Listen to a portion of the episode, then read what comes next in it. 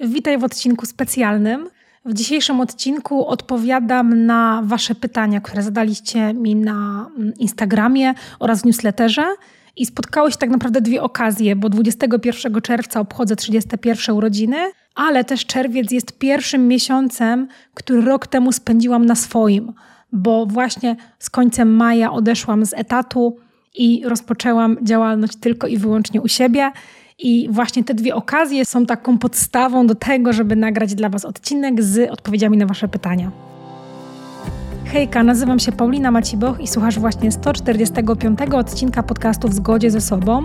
W rozmowach solo oraz z zaproszonymi gośćmi mówię o życiu w zgodzie ze sobą, działaniu ze spokojem, z satysfakcją, a jednocześnie o osiąganiu fajnych rzeczy, które są dla nas ważne. Jeśli słuchasz tego odcinka podcastu Spotify, to będę bardzo wdzięczna za ocenę w formie wybranej liczby gwiazdek. Jeśli jesteś na iTunes, to również możesz ocenić ten podcast w formie wybranej liczby gwiazdek oraz napisać kilka słów o podcaście.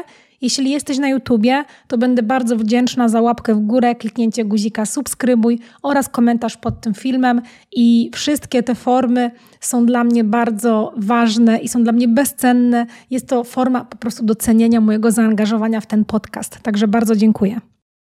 Nie będzie dzisiaj takiego stricte polecenia książki, bo uwaga, chcę powiedzieć parę słów o moich książkach, o moich produktach, które mogą wprowadzić do waszego życia naprawdę duże zmiany, zbudować pewność siebie.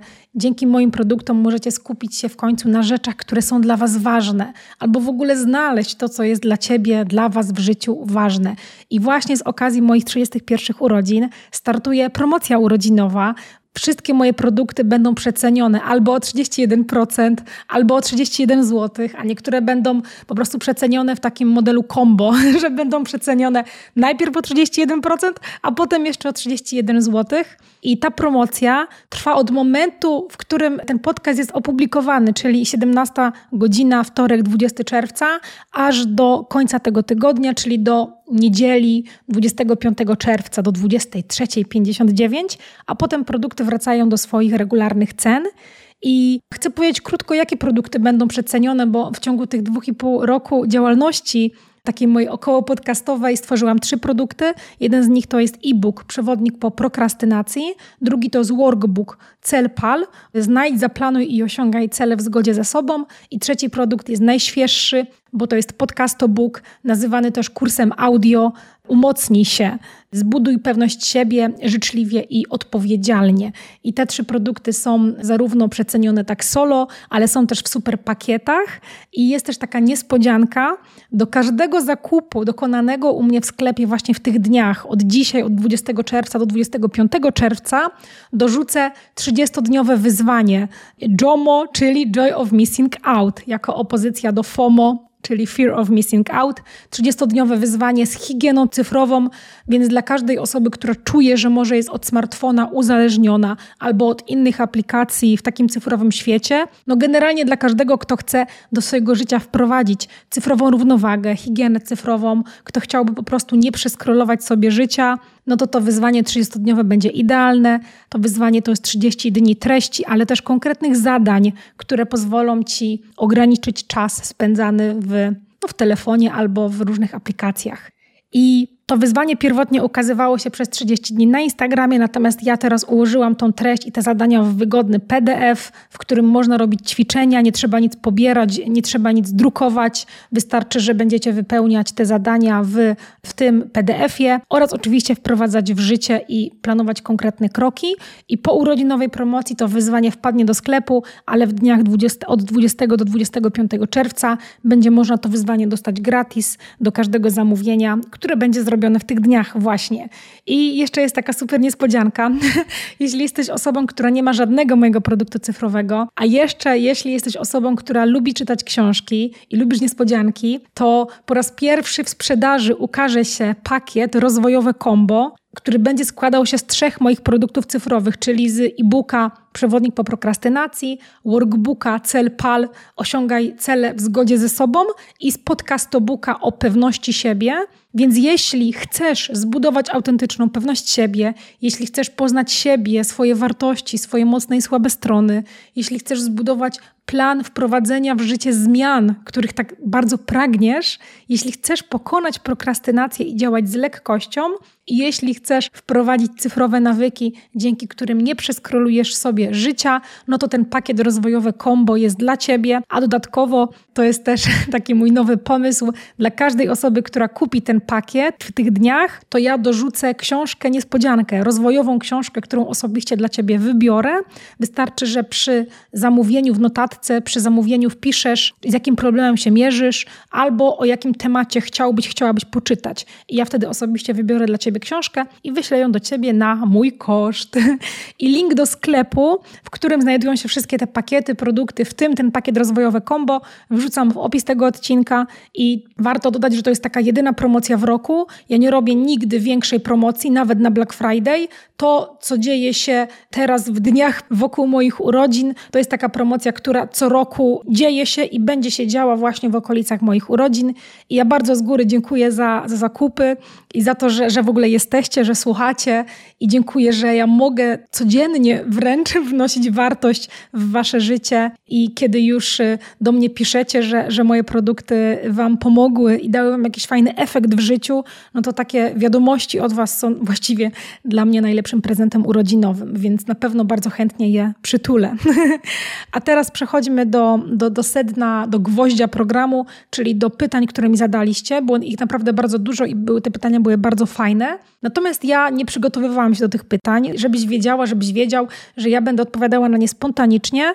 Takich odcinków spontanicznych jest naprawdę mało, bo zazwyczaj przygotowuję pewnego rodzaju taki skrypt albo takie słowa kluczowe, wokół których chcę dany podcast opowiedzieć, żeby on był też maksymalnie wartościowy w tej jednostce czasu. Ale dzisiaj chcę tak spontanicznie do tego podejść i myślę, że to też będzie dla mnie fajna opcja. No i dla Ciebie wartością też jest to, że właśnie będę odpowiadała tak z serca intuicyjnie, nie będę zastanawiała się nad tym trzy dni, więc wydaje mi się, że to też jest wartościowe.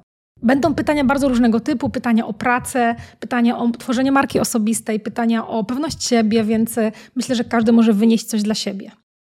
Pierwsze pytanie. Czy mam swoje sprawdzone sposoby na radzenie sobie z nieśmiałością?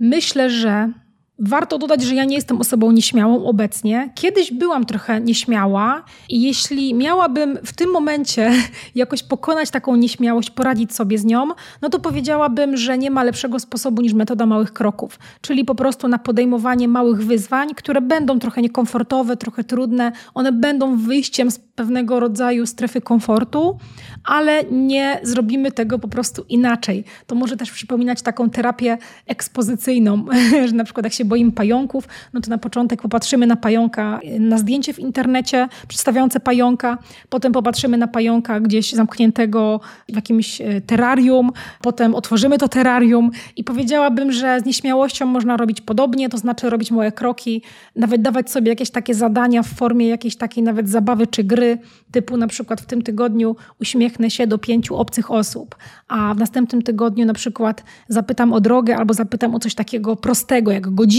drogę, czy na przykład nie wiem, gdzie tu w okolicy jest żabka, na przykład dwóch obcych osób. Więc ja bym dawała sobie takie właśnie małe kroki i y, właśnie tymi małymi krokami y, warto budować właśnie taką, takie poczucie sprawczości, bo poczucie sprawczości właśnie w obszarze wychodzenia ze strefy komfortu jest bardzo ważne. Dlatego myślę, że taki sposób bym pewnie podjęła, jak chciałabym stać się bardziej śmiałą osobą. Drugie pytanie, skąd mogę wiedzieć, czy dane oczekiwanie jest z zewnątrz ode mnie, a jakie od zewnątrz z otoczenia? Bardzo dobre pytanie, bo bywa, że my na przestrzeni naszego życia, zwłaszcza w tych młodych latach, przyjęliśmy pewne prawdy na temat świata i przyjęliśmy pewne takie schematy, którymi teraz podążamy. I one stały się nasze, ale to właśnie dlatego, że obserwowaliśmy jakieś otoczenie, słyszeliśmy jakieś komunikaty, może od bliskich, może od rodziny, może od jakichś autorytetów. I Powiedziałabym, że trzeba by te oczekiwania sobie tak troszkę rozłożyć na części pierwsze, trochę przyjrzeć im się jak taki naukowiec, wziąć te oczekiwania pod, y, pod mikroskop, no i zastanowić się na przykład, skąd to oczekiwanie pojawiło się w mojej głowie, w moim sercu, skąd ono w ogóle pojawiło się w moim życiu. Bo może jesteśmy w stanie zidentyfikować konkretny moment. Na przykład oglądałam seriale o romantycznej miłości i urosło w mojej głowie takie przekonanie, że po prostu ja czekam na księcia na białym koniu, nie? A może się okazać, że, że, że to oczekiwanie wcale nie jest nasze.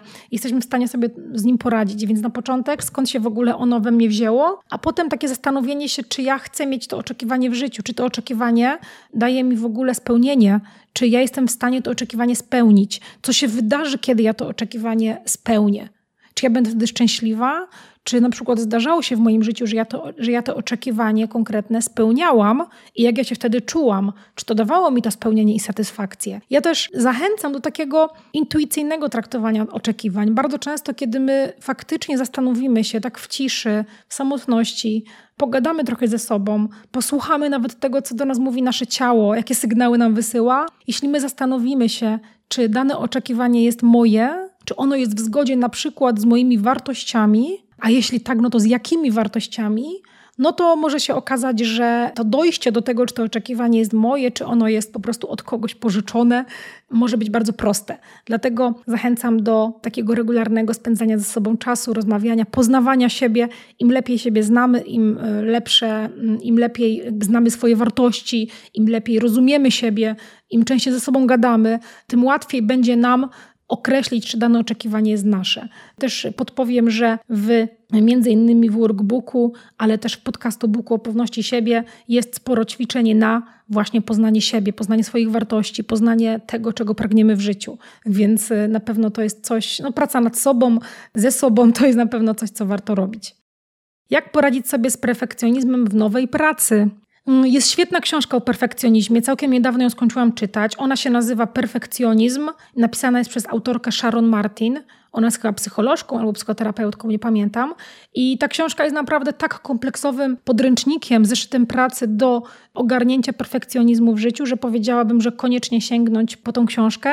Ja też lubię sobie bardzo często powtarzać, że zrobione jest lepsze od doskonałego i te słowa jakoś do mnie bardzo trafiają więc y, nawet mam je czasem na, w jakichś miejscach typu, nie wiem, na pulpicie komputera, więc otaczanie się takimi mm, cytatami, które wspierają nasze dążenia y, jest w ogóle świetnym sposobem i też udowodnionym naukowo na to, że faktycznie coś dla, dla nas staje się ważne i jeśli powtarzamy sobie coś ileś razy, to to się nawet staje takim naszym nawykiem myślowym.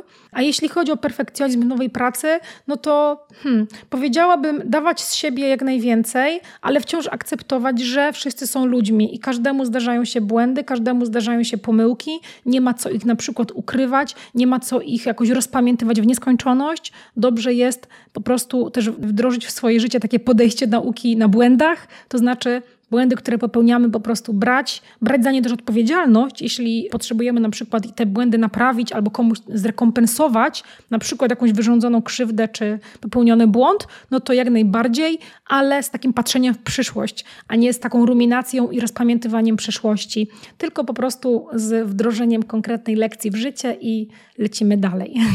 Polecam też serdecznie tą książkę, o której wspomniałam. Jak zacząć spisywać swoje myśli?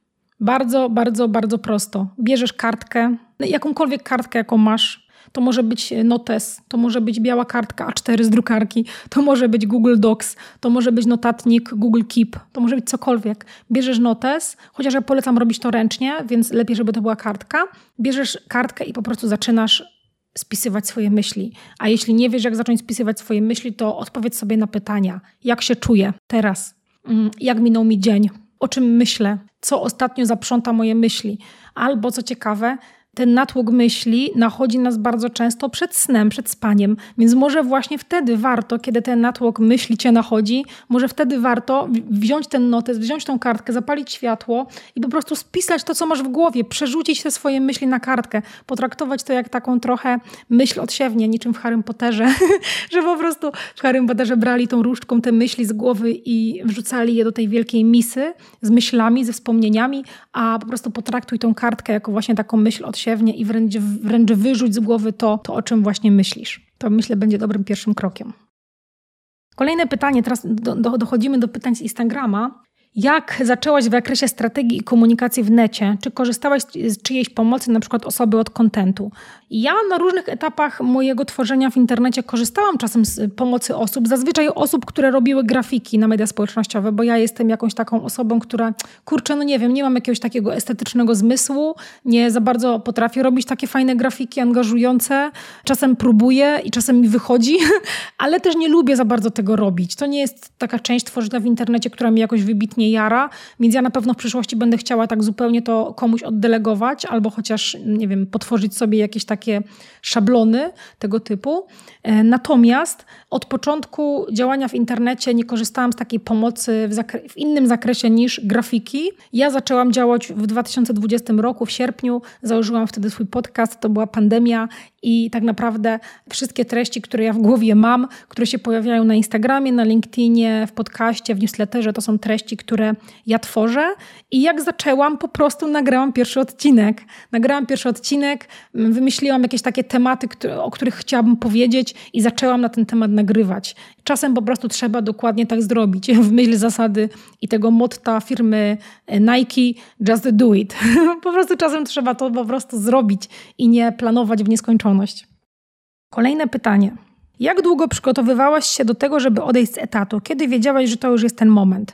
Powiedziałabym, że w ogóle cały ten czas, może nie cały czas od, od tworzenia podcastu, ale jakoś mniej więcej rok przed odejściem z etatu już tak miałam takie myśli w głowie, że może chciałabym zacząć działać na swój rachunek, więc powiedziałabym, że to moje przygotowanie trwało mniej więcej rok. Budowałam strategię w różnych kanałach, w których tworzyłam treści. Zaczęłam też pozyskiwać klientów na warsztaty i szkolenia.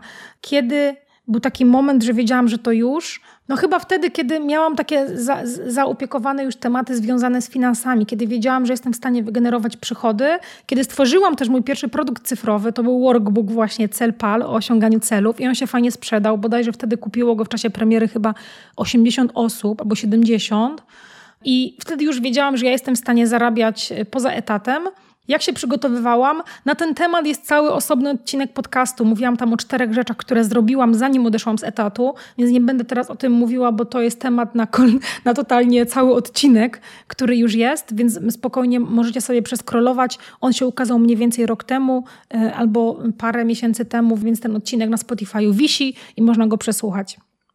Kolejne pytanie. Jak mieć odwagę, by wyjść z etatu? Czy to oznacza mniej czy więcej pracy? Skąd wziąć pomysł na siebie? To jest bardzo ciekawe pytanie. Bo ja uważam, że w życiu potrzebna jest odwaga właściwie do wszystkiego, bo jakakolwiek zmiana, jakakolwiek, jakiekolwiek wyjście poza strefę komfortu, czyli wyjście poza to, w czym czuję się dobrze, jest mi komfortowo, ciepło, bezpiecznie, czyli zrobienie czegoś nowego, czegoś trudnego, czegoś, czego nigdy nie robiliśmy, to zawsze wymaga odwagi i warto w ogóle tą odwagę w sobie pielęgnować, ale pamiętaj też, że odwaga to nie jest brak strachu. Ja cały czas gdzieś z tyłu głowy odczuwam jakiś taki strach i pomimo tego strachu działam. To jest najważniejsze, żeby pomimo tego strachu działać. Nie powiedziałabym, żeby akurat w przypadku etatu dobrym pomysłem było takie rzucenie wszystkiego i skok na głęboką wodę. Sugeruję się jednak przygotować do tego wyjścia z etatu, ja też jestem w stanie pomóc w ogóle z przygotowaniem takiego planu wyjścia z etatu. Sama to przerabiałam, wiem o jakie obszary trzeba zadbać. Też widzę, nauczyłam się też na swoich błędach, o jakie obszary powinnam nawet lepiej zadbać, zanim z tego etatu wyszłam. I jestem w stanie nawet w czasie takiej jednogodzinnej konsultacji pomóc Ci ze zbudowaniem planu takiego wstępnego, e, jak zaopiekować pewne obszary związane właśnie z Twoimi umiejętnościami, z Twoimi finansami, z Twoim bezpieczeństwem, żeby z tego etatu wyjść pewniej, ale ta odwaga wciąż jest potrzebna. Więc e, jeśli taka konsultacja jest dla kogoś interesująca, dla kogoś, kto tego odcinka słucha, no to oczywiście można też ją znaleźć w promocyjnej cenie urodzinowej e, na, w moim sklepie, więc tam możecie sobie zerknąć. Czy wyjście z etatu oznacza mniej czy więcej pracy? Powiedziałabym, że na początku rozwoju swojego biznesu zawsze to oznacza więcej pracy. Zazwyczaj to oznacza więcej pracy, chyba że mamy zajebiście zbudowane systemy, chyba że mamy pomoc wielu osób, no to faktycznie może się okazać, że tej pracy będziemy mieli mniej. Natomiast Ważne też jest, zanim my już z tego etatu wyjdziemy, zastanowić się, dlaczego my to chcemy zrobić, jaką wizję życia ma nam ten biznes, ta własna działalność wspierać. Zbudowanie wizji życia uważam, że to jest też jedna z ważniejszych rzeczy. Również możesz zbudować wizję życia właśnie z moim workbookiem Celpal, który jest promocji. Natomiast właśnie ten biznes jest po coś dlatego że ja chcę żyć jakoś, w jakiś sposób, robić pewne rzeczy, mieć w swoim życiu pewne elementy, no i ten biznes powinien mi wspierać, to, to moją upragnioną wizję życia. Dlatego niekoniecznie więcej pracy y, jest czymś, co chcemy mieć w swoim życiu, tak? Nawet w książce Czego najbardziej żałują umierający, bardzo fajna książka, jest właśnie rozdział o tym, że ludzie na łożu śmierci wcale nie żałują, że nie pracowali więcej. Oni żałują, że nie pracowali mniej. Dlatego jeśli chcemy mieć mniej pracy, no to wyjście z etatu jest takim pierwszym etapem. Tuż po wyjściu z etatu i jeśli rozwijamy swój biznes, tej pracy może być troszkę więcej. Natomiast jeśli właśnie, jeśli jesteśmy wytrwali, jeśli podchodzimy do tego strategicznie, jeśli rozwijamy ten biznes z taką ideą w głowie, żeby tej pracy było mniej, no to po jakimś czasie możemy tej pracy po prostu mieć mniej niż na etacie i tyle. I da się to zrobić pracując 4 godziny dziennie, 5 godzin dziennie, pewnie 2 godziny dziennie. To wszystko zależy znowu od naszego planu, strategii, systemów, które mamy jakoś zautomatyzowane oraz też dzięki delegowaniu pewnych rzeczy do podwykonawców, czy do współpracowników, czy do pracowników, możemy tej pracy mieć po prostu mniej. Skąd wziąć pomysł na siebie? To jest bardzo y, złożone pytanie. Ja pomagam w ogóle w czasie takich procesów rozwojowych, które trwają 2-3 miesiące, pomagam znaleźć odpowiedź na to pytanie. Mm, ale jeśli miałabym tak na szybko powiedzieć, skąd znaleźć pomysł na siebie, no to powiedziałabym, że zastanów się, co lubisz robić jako pierwszy krok. Co lubisz robić, na co poświęcasz czas, w czasie jakich aktywności wpadasz w takie flow, czyli zapominasz o całym świecie to powiedziałabym, że, że jest pierwszy krok, bo jeśli my nie lubimy swojej pracy, no to bardzo możliwe, że my po prostu się w niej bardzo szybko wypalimy. Dlatego ja jestem gorącą zwolenniczką tego, żeby po prostu lubić swoją pracę.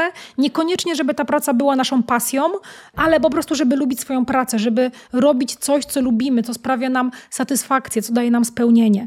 Dlatego poszukałabym najpierw wśród rzeczy po prostu, które lubisz robić. A jeśli taki proces rozwojowy jest czymś, co Cię interesuje, no to też, też zapraszam do kontaktu.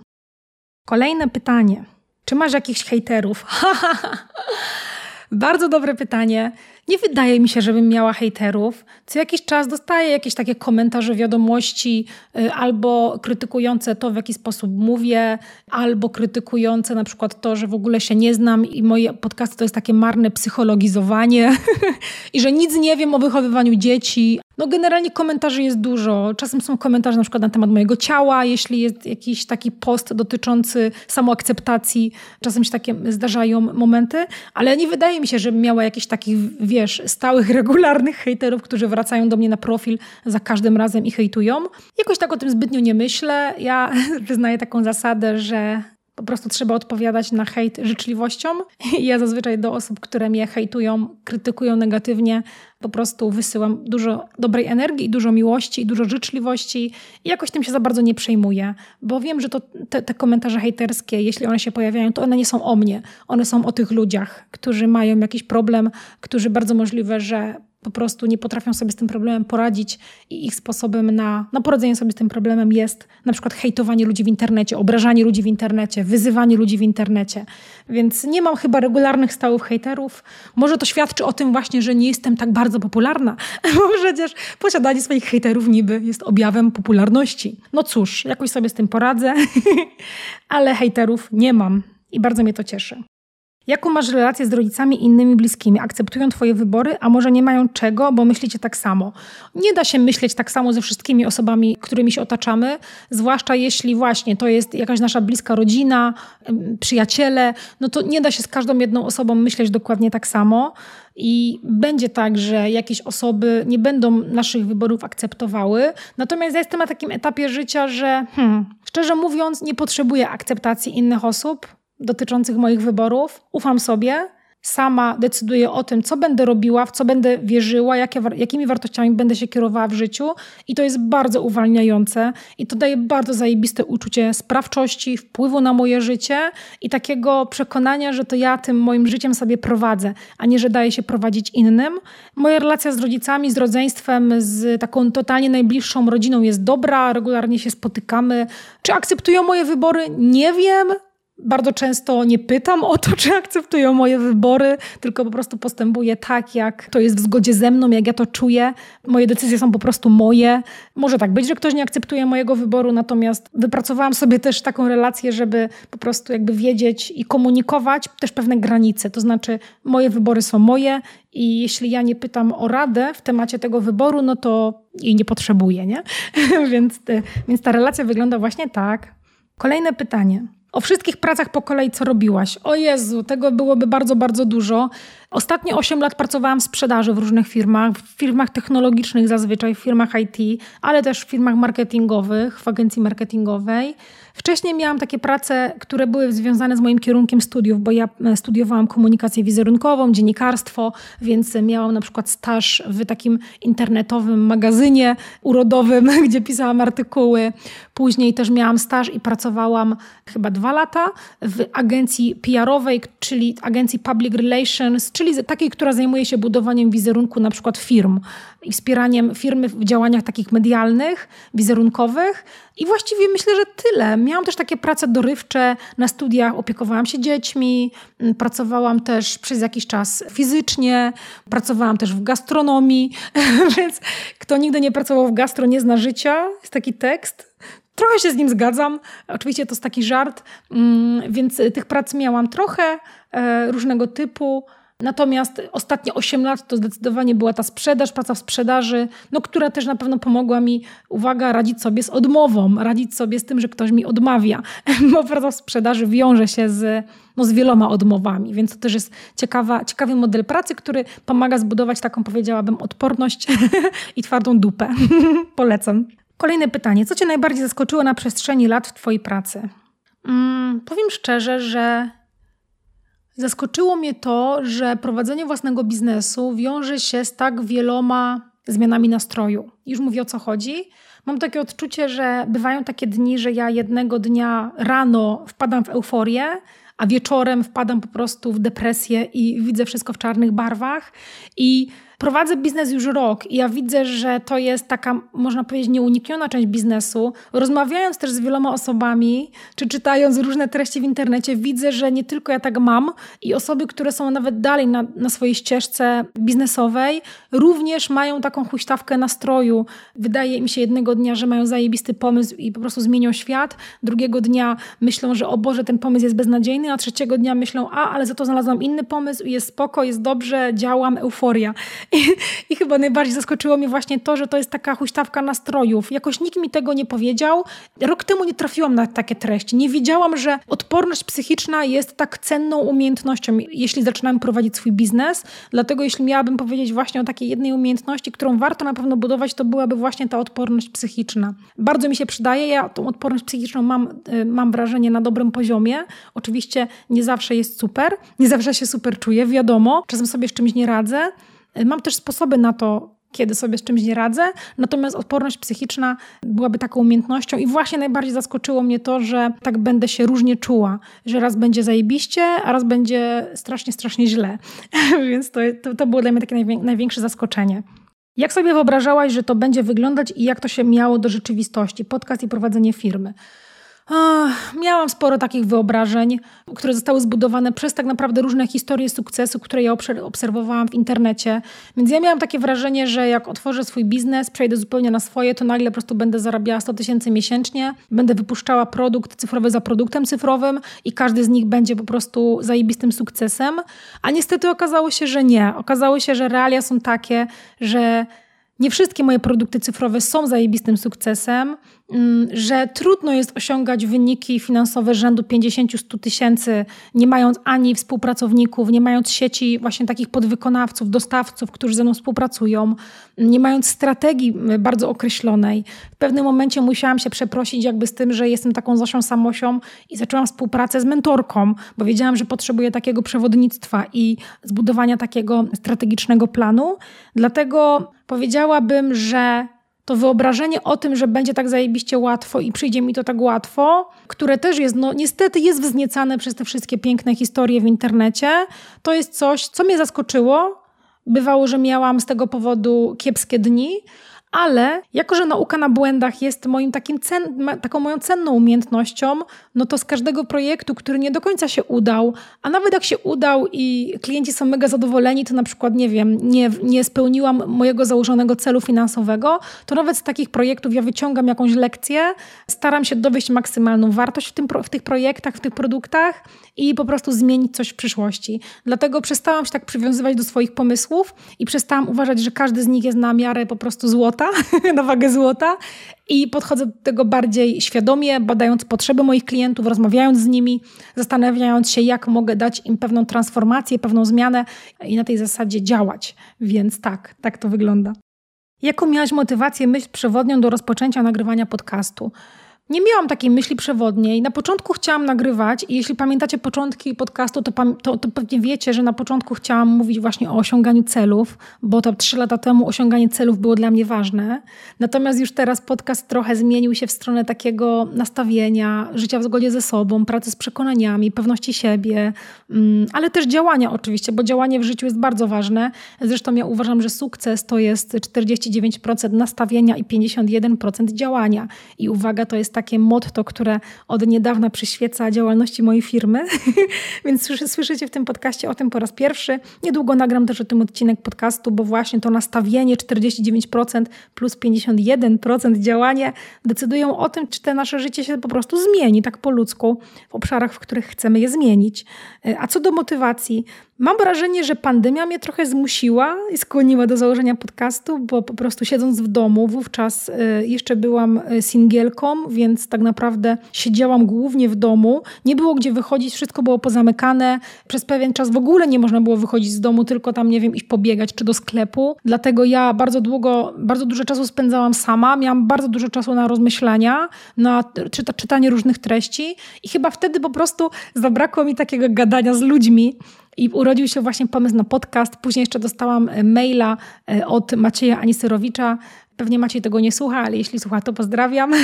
I w tym mailu Maciej właśnie mówił o, o tym, że po prostu trzeba coś zrobić, że na pewnym etapie już nie można planować, rozmyślać, rozkminiać, po prostu trzeba wziąć, wziąć się w garść, podnieść dupę z kanapy i coś zrobić. I chyba ten mail był dla mnie takim bezpośrednim, bezpośrednim kopem w dupę właśnie, po którym ja stwierdziłam, dobra, robię to. No i obiecałam sobie, że, że będę nagrywała podcast przez rok. To było też takie fajne e, zobowiązanie, które miałam po pierwsze przed sobą, a po drugie powiedziałam o tym na Instagramie, który już wówczas prowadziłam, ale w takiej bardziej sportowej formie. I właśnie na tym Instagramie się podzieliłam tą informacją, że zobowiązuję się nagrywać podcast rok. No i zobowiązanie publiczne ma bardzo taką dużą siłę działania, dlatego ja faktycznie ten podcast przez rok nagrywałam dosłownie co tydzień. Zresztą dalej to robię. Były pewnie jakieś takie pojedyncze tygodnie w ciągu ostatnich trzech lat, kiedy podcastu nie było, natomiast podcast pojawia się co tydzień, prawie przez trzy lata, za każdym razem co tydzień, więc dałam radę. dałam radę. Co jest dla Ciebie najłatwiejsze, a co najtrudniejsze w Twojej pracy? Powiedziałabym, że w ogóle najłatwiejsze jest dla mnie wzięcie się do tej roboty, bo mam takie poczucie, że jeśli my nie lubimy naszej pracy, jeśli jest nam w niej po prostu ciężko, jeśli nie znosimy tej pracy, jeśli robimy rzeczy, które są dla nas w ogóle bezwartościowe, które w ogóle nie uważamy za sensowne, których nawet nie lubimy robić jako takie typy zadań, plus jeśli nie mamy takich podstawowych zdolności organizowania swojego czasu, swojej pracy, no to powiedziałabym, że wtedy ta praca, jakakolwiek praca, za jaką się weźmiemy, będzie dla nas trudna. Ja totalnie nie mam problemu ze zorganizowaniem sobie pracy. Bardzo lubię prowadzić kalendarz, planować, tworzyć listy zadań, więc dla mnie bardzo łatwe jest to, żeby sobie tą pracę rozplanować. E, bardzo łatwe jest też to dla mnie, żeby się skupić. Wypracowałam sobie też taki system pracy, który pozwala mi się skupić i naprawdę zrobić robotę. Bardzo często robotę, która mogłaby mi zająć 8 godzin, mogę ją zrobić w 3 godziny. I w ogóle tutaj bardzo duże znaczenie ma też oczywiście zbudowanie pewnego takiego nawyku korzystania z telefonu, a właściwie nie korzystania z telefonu, jeśli e, też chcesz e, pracować właśnie tak w skupieniu, bez rozproszeń, robić robotę w krótszym czasie, a nie rozwlekać ją na trzy dni, no to serdecznie też polecam moje 30-dniowe wyzwanie, które, uwaga, dostajecie do każdego zakupu dokonanego w dniach 20-25 czerwca w moim sklepie jako taki, jako taki prezent urodzinowy na moje urodziny, ale dla Was. Więc e, serdecznie polecam ogarnąć relacje ze swoim telefonem. Co jest najtrudniejsze w mojej pracy? Czasem brakuje mi ludzi, Pracuję obecnie sama, nie mam y, nawet wirtualnej asystentki na razie, bo nad tym pewnie będę pracowała niedługo, więc czasem po prostu brakuje mi ludzi, brakuje mi kogoś, z kim mogę przegadać pomysły. Na szczęście mój partner też jest przedsiębiorcą, więc bardzo często przegadujemy wspólnie swoje pomysły, on swoje ze mną i ja moje pomysły z nim. Jestem też w takich różnych społecznościach, na różnych grupach na Facebooku, więc y, ten kontakt z przedsiębiorcami i z osobami, z którymi mogę pogadać, jakiś mam. Co jest najtrudniejsze? Hmm. Powiedziałabym, że na obecnym etapie rozwoju biznesu, kiedy wciąż pracuję nad taką, nad, nad, taką stabilnością, żeby co miesiąc mieć taką stabilność finansową mojego biznesu. Nie, że jednego miesiąca jest super i nie wiem, zarabiam 17 tysięcy, a innego miesiąca zarabiam 5 tysięcy, tylko ja pracuję właśnie nad tym, żeby to ustabilizować i żeby ten przychód był stabilny, pokrywał wszystkie moje potrzeby firmowe, prywatne i żeby czuć po prostu zawsze takie bezpieczeństwo. I chyba właśnie to jest dla mnie najtrudniejsze obecnie. Taka nie niepewność dotycząca tego, ile ja w danym miesiącu zarobię. Natomiast pracuję nad tym jeśli wypracuję sobie ten element, to mam wrażenie, że będzie mi ze wszystkim o wiele łatwiej i z pomysłami, i z kreatywnością, i z planowaniem dla Was nowych produktów, więc to jest chyba ten kawałek, nad którym teraz pracuję i który jest dla mnie obecnie najtrudniejszy. Jaką masz ulubioną książkę poza gatunkiem rozwojowych? To jest pytanie ciekawe, ale bardzo prosta odpowiedź. Moją ukochaną książką od zawsze, nawet może niekoniecznie jest to książka, bo jest ta seria książek, to jest Oczywiście seria książek o Harrym Potterze. To są książki, na których ja się wychowałam, to są książki, które roznieciły moją wyobraźnię, to są książki, które ja do tej pory czytam regularnie, więc, więc, więc po prostu no to jest książka, która, jest, która będzie w moim życiu zawsze i jeśli będę miała kiedykolwiek dzieci, to na pewno będę im czytała Harry'ego Pottera. Najlepiej to będę robiła już to w ciąży, żeby mieć pewność, że one tego Harry'ego polubią. Więc e, no, ca cały ten wszechświat związany z Harrym Potterem po prostu ma dla mnie tak ogromny sentyment, że regularnie do tego wracam. Chodzę na jakieś pub quizy o Harrym Potterze, kupuję sobie jakieś piżamy we wzór Harry'ego Pottera, więc mam wrażenie, że ta książka po prostu zmieniła bardzo dużo w moim życiu. No i to jest książka, którą ja zawsze będę miała na, na pierwszym miejscu, tak czuję. Myślę, że to się już nie zmieni. Oczywiście mowa tutaj o książkach takich nierozwojowych, czyli, czyli powieściach, beletrystyce, ale lubię też książki Stephena Kinga, jego horrory. Bardzo dużo ich świetnych ma, więc tutaj nie potrafię wskazać jednej. Jaki był najlepszy dzień w Twoim życiu? Bardzo ciekawe pytanie. Odpowiem tak. Wydaje mi się, że najlepszy dzień w moim życiu jest wciąż przede mną, ale staram się patrzeć na, na różne dni mojego życia, które są dobre z jakiegoś powodu. Staram się patrzeć na, na to, że dzięki takim dniom zbieram takie momenty szczęścia. I ja lubię takie momenty szczęścia gromadzić, bo nawet malutka rzecz, malutki drobiazg może sprawić, że dany dzień jest bardzo, bardzo dobrym dniem. Przypominam sobie na przykład wszystkie momenty, kiedy dostaję od Was, nawet codziennie się zdarza, dostaję od Was takie super wiadomości, że na przykład słuchacie mojego podcastu, albo że moje produkty pomagają Wam zmienić życie, albo że mój podcast towarzyszy Wam codziennie po, nie wiem, 7 godzin. Ostatnio dostałam taką wiadomość bodajże od Karoliny. I te wszystkie momenty, kiedy ja takie wiadomości dostaję, to są dla mnie bardzo dobre dni. Na przykład bardzo dobrym dniem było też y, poznanie mojego ówczesnego partnera oraz y, dzień, w którym zaczęliśmy ze sobą być. Bardzo dobrym dniem były na przykład takie właściwie chyba najlepsze wakacje w moim życiu do tej pory. To było dwa lata temu, kiedy spędziłam dwa tygodnie we Włoszech i te widoki i ta beztroska i ta kulinarna podróż do Włoch, to były bardzo, bardzo dobre dni dla mnie. Bardzo dobrymi dniami były też dni, kiedy na przykład zdecydowałam się opuścić etat, albo kiedy już opuściłam ten etat, kiedy miałam pierwszy dzień pracy na swoim, tych dni naprawdę jest bardzo, bardzo dużo. Nawet pamiętam momenty sprzed, sprzed kilku lat, kiedy na przykład wygrywałam jakieś zawody crossfitowe, kiedy przekraczałam swoje granice, kiedy właśnie zdobywałam jakieś takie sportowe osiągnięcia. Tych momentów jest naprawdę bardzo dużo i ja w ogóle polecam gromadzić właśnie takie momenty szczęścia, cieszyć się nimi, bo to nie jest tak, że jest jeden dzień w naszym życiu, który jest najlepszy, bo to też wywiera taką presję na pozostałe dni, a ja uważam, że właśnie szczęście to jest szukanie w różnych, w różnych sytuacjach właśnie takiej dobroci i, i, i bycie wdzięcznym za, za, za takie drobiazgi. Nawet te moje momenty szczęścia to są takie momenty, kiedy na przykład, nie wiem, nadchodzi po, po jesieni, po zimie, nadchodzi wiosna, wiosna i jest pierwszy taki mega ciepły dzień i idę na spacer i jest mega niebieskie niebo i śpiewają ptaszki i świeci słońce. I to jest nawet ten moment szczęścia, kiedy czuję, że to jest bardzo, bardzo dobry dzień. Więc zachęcam właśnie do tego, takie momenty szczęścia po pierwsze no, budują nasz dobrostan na co dzień, ale też pomagają pielęgnować, podtrzymywać takie pozytywne nastawienie do życia, a przez to też właśnie wytrwałość, energię. To jest tak naprawdę system naczyń połączonych, także tak. A może jakiś najlepszy dzień w życiu jest jeszcze przede mną? Może tak być, może mnie zaskoczy życie. Także czekam na to zaskoczenia z przyjemnością. Czy jest coś w życiu, czego się wstydzisz i nigdy nie powiesz o tym? Tak, na pewno. Na pewno są rzeczy, o których nie chcę mówić, których może o których może bym powiedziała, nie wiem, tylko swojej terapeutce czy terapeucie. To jest bardzo ciekawe pytanie, nie? To jest bardzo ciekawe pytanie, które mam wrażenie wynika z tego, że my jako ludzie, jako gatunek lubimy podglądać innych ludzi. No przecież stąd bierze się popularność portali plotkarskich czy takich programów, y, jakichś takich typu reality show, gdzie my zaglądamy do na przykład, nie wiem, życia innych ludzi. Jakiś tam chyba jest w Stanach y, reality show o Kardashiankach, które się cieszy popularnością. Powiem wam, że ja w ogóle, w ogóle od kiedy zaczęłam skupiać się na swoim życiu, od kiedy skupiłam się na swoich wartościach, na tym, co ja chcę w życiu osiągnąć, to przestało mnie aż tak interesować życie innych ludzi. I owszem, czasem mam gorsze momenty, że wejdę na jakieś, nie wiem, mm, żeby poglądać jakieś memy albo dowiedzieć się, że jest jakaś drama w internecie, ale większość czasu totalnie mnie to nie interesuje, w ogóle nie poświęcam temu swojej uwagi, no bo kurczę, wolę żyć swoim życiem po prostu. I odnośnie w ogóle też poczucia wstydu. Pamiętajcie, że to my decydujemy, co jest dla nas wstydliwe, albo czego się wstydzimy, albo czego się nie wstydzimy, i nie dawajmy też innym ludziom wzbudzać w nas poczucia wstydu. To jest bardzo ważna lekcja, którą też uważam, że warto sobie przyswoić i powtarzać w tym kontekście.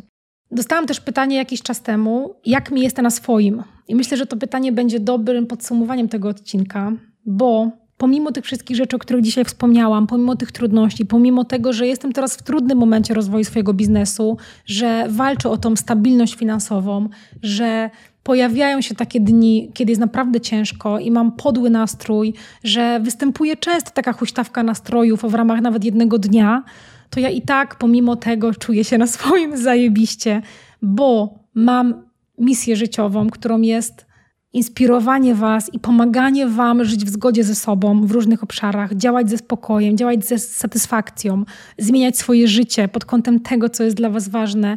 I ta moja życiowa misja jest ta dla mnie tak ogromnym motorem napędowym, który jest jeszcze podsycany, podlewany wszystkimi wiadomościami od Was, że po prostu ja czuję ogromne wzruszenie nawet teraz, jak o tym mówię, że mogę dla Was tworzyć, że mogę dla Was działać, że mogę dla Was tworzyć kolejne produkty, więc nie będę ustawała w tym, nawet pomimo tych przeszkód. Jestem pewna, że je pokonam, znajdę sposoby na to, żeby je pokonać. Już teraz działam w taki sposób, żeby te przeszkody pokonać, obejść, przeskoczyć, przesunąć, usunąć. I jestem też osobą bardzo wytrwałą, więc ta wytrwałość cały czas mi przyświeca. O to od, od roku już właściwie, kiedy prowadzę swój biznes i ta elastyczność, ta niezależność, ta wolność, którą ja czuję, kiedy mogę pracować nad projektami, które są dla mnie ważne, które są zajebiste, kiedy ja mogę wybrać, z jakimi ludźmi będę współpracować, to jest tak piękne i tak cenne, że nie zamieniłabym tego w życiu, idąc na etat. Czy będzie tak kiedyś? Wiecie, no, życie, jest, życie jest bardzo różne, więc nie wiadomo, co pokaże przyszłość. Może tak być, że kiedyś będę musiała wrócić na jakąś część, na przykład na etat.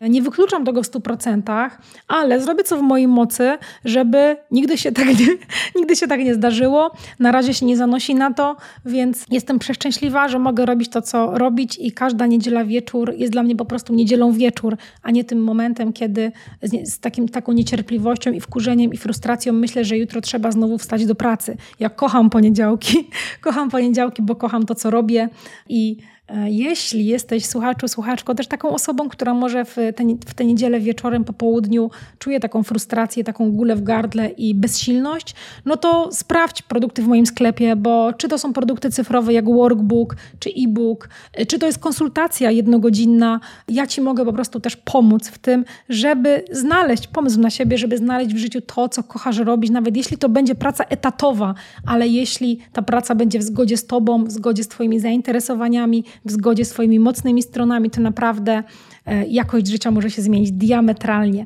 Więc raz jeszcze zachęcam do zerknięcia na mój sklep paulinamaciboch.pl ukośnik sklep. Tam są wszystkie produkty w urodzinowej promocji. Będzie mi bardzo miło. Pamiętajcie o pakiecie rozwojowy combo, w ramach którego dostajecie ode mnie wybraną osobiście przeze mnie rozwojową książkę. Myślę, że to jest w ogóle super pomysł. Ja jestem bardzo dobra w dobieraniu książek, więc możecie liczyć na coś fajnego.